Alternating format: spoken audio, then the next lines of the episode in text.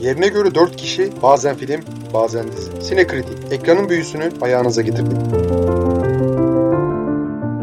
Merhabalar Sinekritik dinleyicileri. Bu hafta konuğumuz, daha doğrusu bu ilk konuğumuz ama bundan sonraki tüm konuklarımız arasında birincisi tiyatro sanatçısı ve seslendirici Murat Şen. Murat Bey merhabalar tüm okurlarımız ve dinleyicilerimiz adına. Kendinizi kısa bir tanıtır mısınız? Adım Murat Şen. 1972'de İstanbul'da doğdum. Konservatuar mezunuyum. Oyunculuk bölümü. Tiyatrocuyum. Dublaj yapıyordum uzun yıllardır profesyonel olarak. Tekrar bu arada herkes adına ben çok mutlu olduk. En azından ilk konuğumuz olduğunuz için bizi kırmayıp buraya geldiniz. Yani hani biz özellikle de sanat alanından farklı sanatın farklı alanından insanları konuk etmeyi amaçlıyoruz. Ee, biz sizinle ilgili de genel olarak e, şu an almamızın sebebi Türkiye'de oyunculuk, tiyatro, sinema, televizyon sektörüyle ilgili sizin fikirlerinizi almak istiyoruz.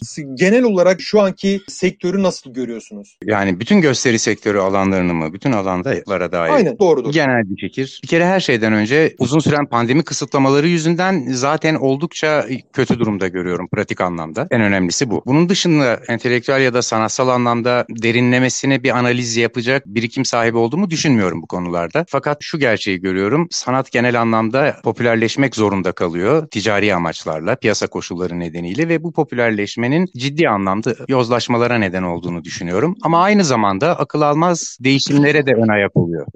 Ne gibi değişimler misal? Sanat biçimlerinde e, biçimsel anlamda yeniliklerin ortaya çıkacağını düşünüyorum. Hatta çıkmakta olduğunu düşünüyorum. Yani en e, basitinden tiyatro sanatının dijital ortamda e, tatminkar olabileceğini düşünüyorlar. Olmadığını göreceğiz hep birlikte. İşte o zaman oyunculuk e, veya drama adına başka bir sahneleme tekniği üzerinden yeni bir biçim gelişecek ki gelişmekte gibi. Bunun gibi. Murat Bey, geçtiğimiz sene Türkiye'de kendi alanında uzmanlık bilgisi olan farklı sektörlerden birçok kişiyle röportajlar gerçekleştirdik, programlar yaptık. Bu röportajlarda maalesef neredeyse herkesin ekonominin çok kötü yönetildiği ve kendi alanlarındaki sorunlara çözüm üretemeyen bir siyasi ortamın bulduğuna ilişkin bir izlenim edindik. Siz hı hı. Türkiye'de başlıca tiyatro alanında ve seslendirme sanatçılığı bağlamında geçmişten günümüzü sektörün içerisinde olan birisi olarak son yıllarda içinde bulunduğumuz ortam ve şartların sizin alanınız ve sektörünüze yansımaları oldu mu veya olduysa ne şekilde oldu? E, oldu tabii. En azından maliyetin düşürülmesi adına yani gerçekten hırslı bir para kazanma metodunu uygulamak adına kaliteden çok ödün verildi. Kaliteden ödün verilmesi demek insanların seyrettikleri dublajlı filmleri sadece çeviri anlamında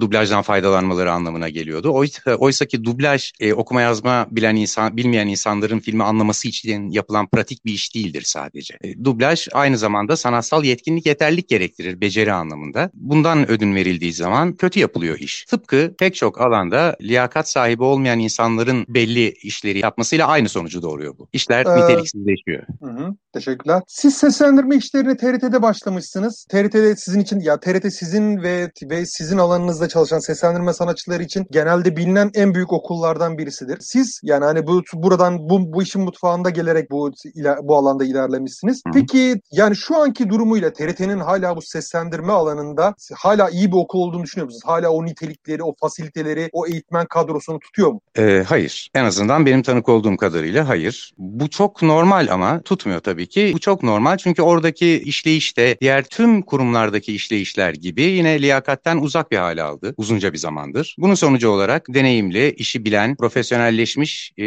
rafine olmuş çalışanlar, yöneticiler emekli oldukça yerlerine gelen kadro e, liyakat eksikliği taşıyordu ve sonuç ol, budur yani. Murat Bey, 4 sene önce yapılan bir röportajda, sizinle yapılan bir röportajda e, yeni tiyatro oyuncuları ve seslendirme sanatçıları yetiştirme konusunda eğitmenlik e, yapmayacağınızı söylüyorsunuz. Doğru.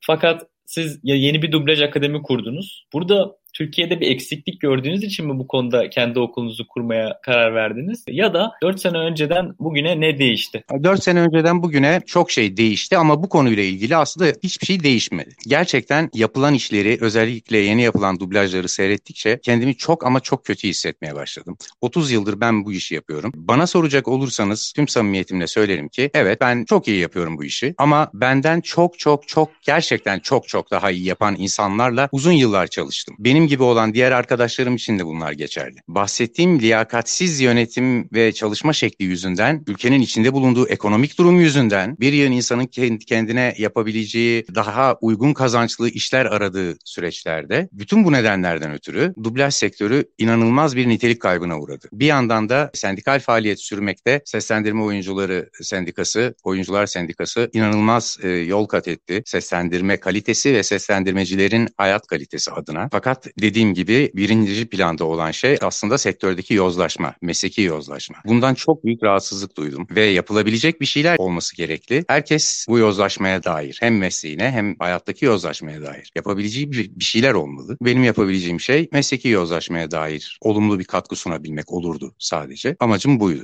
Değişen şey bu yani. Tahammül edemez oldum. Teşekkürler. Dünyada seslendirme sektörüne çok yüksek meblağlar ödendiğini biliyoruz. İsmini hatırlamıyorum. Birkaç sene önce bir seslendirme sanatçısının yani hani kazandıkları miktarların aslında yurt dışındaki meslektaşlarına göre çok gülünç olduğunu şey yapan bir şeyini hatırlıyorum. Cümlesini hatırlıyorum. Şey demişti galiba. Yurt dışında Simpson seslendirenler şatoda yaşıyor. Biz normal kredilerimizi ödemekte zorlanıyoruz. Minvalinde bir şeyler söylemişti diye hatırlıyorum. Hı, e, isim hatırlamıyorum. Hangi isim e, kim hangi seslendirme sanatçısı söylemişti. E, Türkiye olarak da biz e, televizyona çok fazla zaman ayırıyoruz. E, tabii ki bunun e, aslan payı yerli dizilere gidiyor. O başka da. Yani hani misal çok uzun süre başlıyorlar bir diziye reklamları, özeti şu bu filan derken minimum 3 saat 4 saat civarı filan gidiyor. Peki sizce Türkiye'deki seslendirme sektörünün dünya ile gelir olarak gelir olarak kıyaslarsak bu fark nereden kaynaklanıyor? Yani niye bu kadar niye daha az? Niye aslında emeklerinin karşılığını yurt dışındaki meslektaşlarına göre daha az alıyorlar? E, Türkiye'nin dünya siyaseti içinde konumlandığı yerle ilgili bu. Yani ülke ekonomisiyle,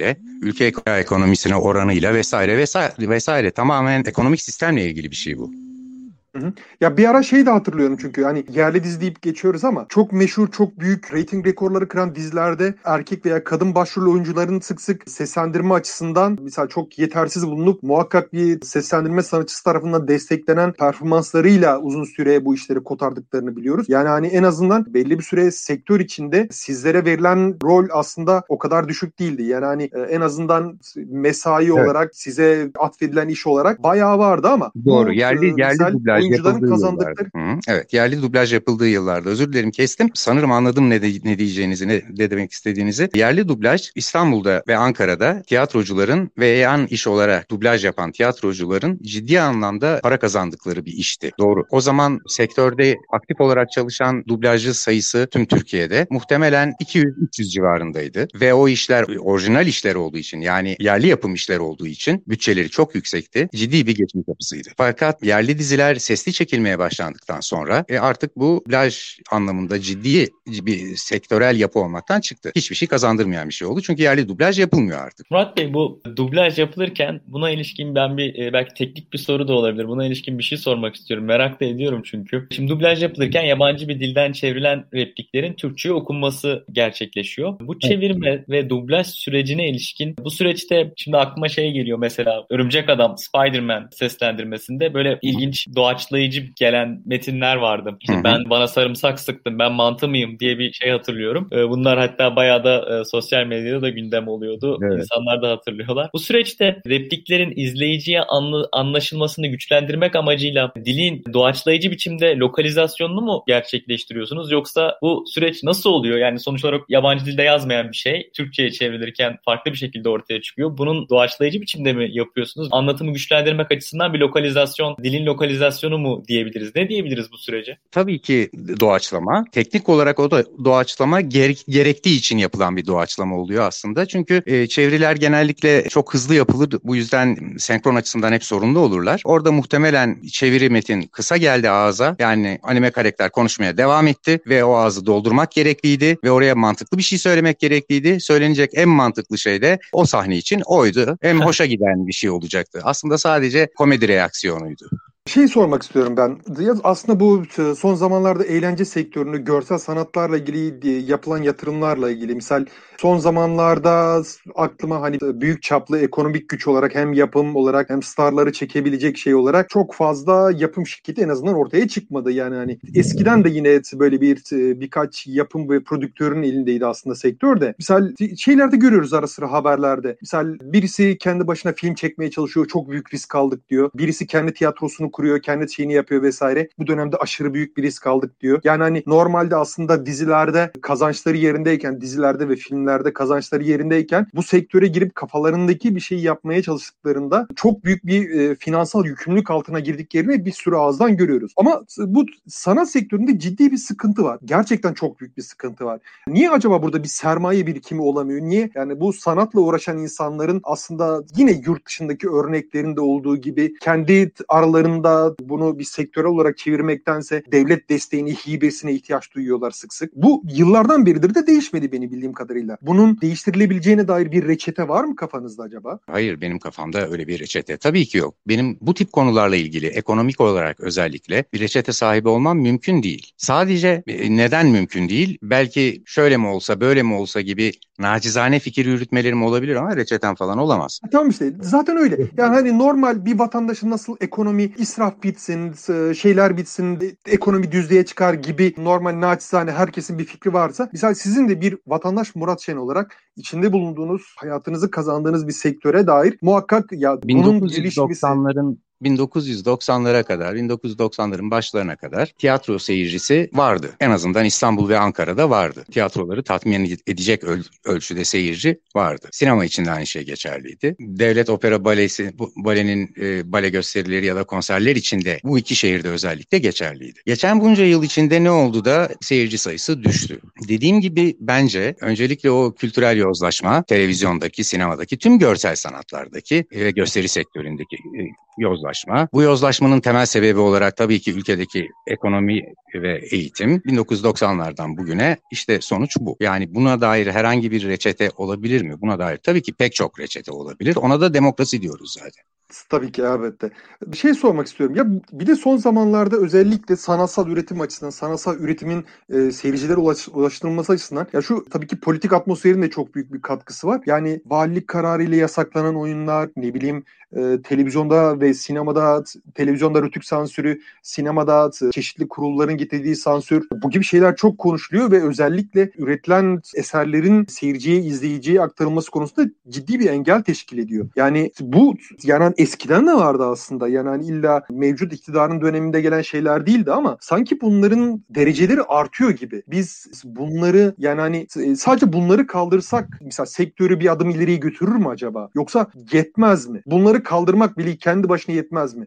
Daha radikal çözümler gerekiyor mu acaba? Bunları kaldırmak kendi başına yeter mi, yetmez mi? Bunu toplumun ihtiyaçları belirler. Net bir şekilde ortaya dökecek herhangi bir formül yoktur. Toplumun ihtiyacı sanat mıdır? Toplumun ihtiyacı sinema mıdır? Yoksa toplum herhangi bir ihtiyacının farkında mıdır? Bu bağlamda tabii ki sansür e, bu farkındalık durumunu ortadan kaldırmanın en güçlü, en etkili silah sansürün olmaması gerekli. Sansürün olmaması için gereken sosyal koşulların oluşturulması gerekli. Yani hani mesela şey hiç yaşadınız mı? Adım adım yani hani kaç zamandır ya aslında birebir aktif olarak sektörün içinde değilsiniz ama hani bu sansür uygulamalarına takılan işleriniz oldu mu daha önce herhangi bir şekilde? Geçtiğimiz 10 yıl içinde filan herhangi bir şey ee, buna benzer. Yok hayır, yok hayır olmadı. Olmamasının sebebi birinci sebebi de muhtemelen ciddi bir izleyici kitlesi olan bir tiyatro olmamamızdı. Hı, İçinde bu, tamam. bu, bu yapı e, zaten e, küçük ve popüler olmayan bir tiyatro. Dolayısıyla herhangi bir sansür uygulamasıyla karşılaşmadık. Murat Bey, e, sinemaya biraz geçersek genel bir soru olacak ama Türkiye sineması hakkında ne düşünüyorsunuz? Türkiye'nin kendi içinde e, dünya standartlarında yarışacak eserler ortaya koyabilmesi için sizce hangi neleri geliştirmesi gerekiyor? Genel olarak önce şeyi sorayım. Türkiye sineması hakkında ne düşünüyorsunuz? Geçmişten günümüze gelinen nokta, genel genel itibariyle düşünceleriniz ve aynı zamanda e, dünya standartlarıyla yarışacak eserleri ortaya koyabilmesi için belki hangi taraflarının biraz daha e, üstünde çalışılması gerekiyor? Bunu sorayım. Çok üstten cümleler kurmak aslında son derece tarzımdır ama hiç hoşlanmam. O da benim çelişkim.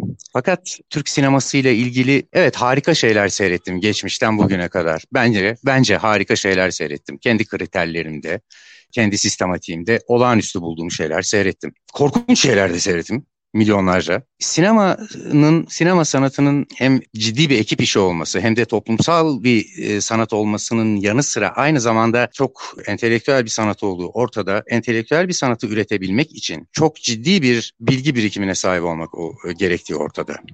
Sanatçının entelektüel olması gerekmez ama bilmesi gerekir. Ya Dolayısıyla... Mesela Hı hı. Jodorowsky diye birisi var mesela duymuşsunuzdur. Jodorowsky diye bir yönetmenimiz evet. var. Çok da entelektüel birisi değil yani hani röportajlara falan bakarsanız zaten. Hı hı hı. Bizim mi yönetmenimiz var Jodorowsky diye? Şey sormak isterim ben misal şu an özellikle artık izleyicilerin ya pandemi döneminde e, tiyatrolar açıldı ama sinemalar hala kapalı.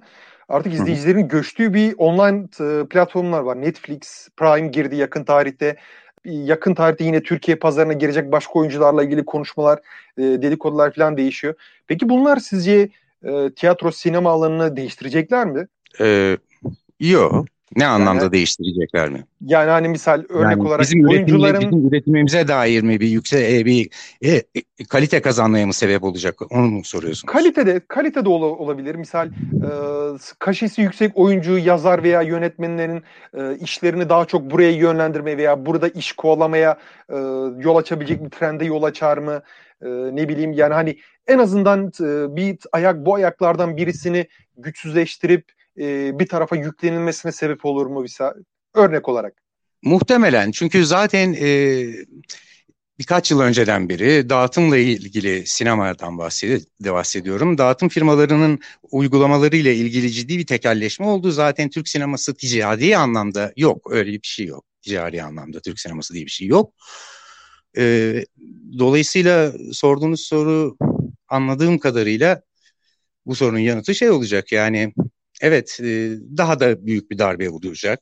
İşler iyice spesifik hale gelecek yayın anlamında. E, muhtemelen olumlu sonuçları olmayacak diye düşünüyorum.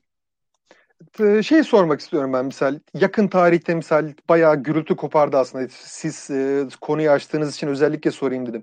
E, misal e, Türkiye'nin kalburüstü yönetmenleri ve yapım şirketlerinin sahipleri artık e, Şahan Gökbakar olsun, Cem Yılmaz olsun, Yılmaz Erdoğan olsun bunların e, sinema salonlarıyla aslında e, yukarılarda bir yerlerde çözülen bir e, çekişmeleri oldu. Çekişme diyelim artık ona.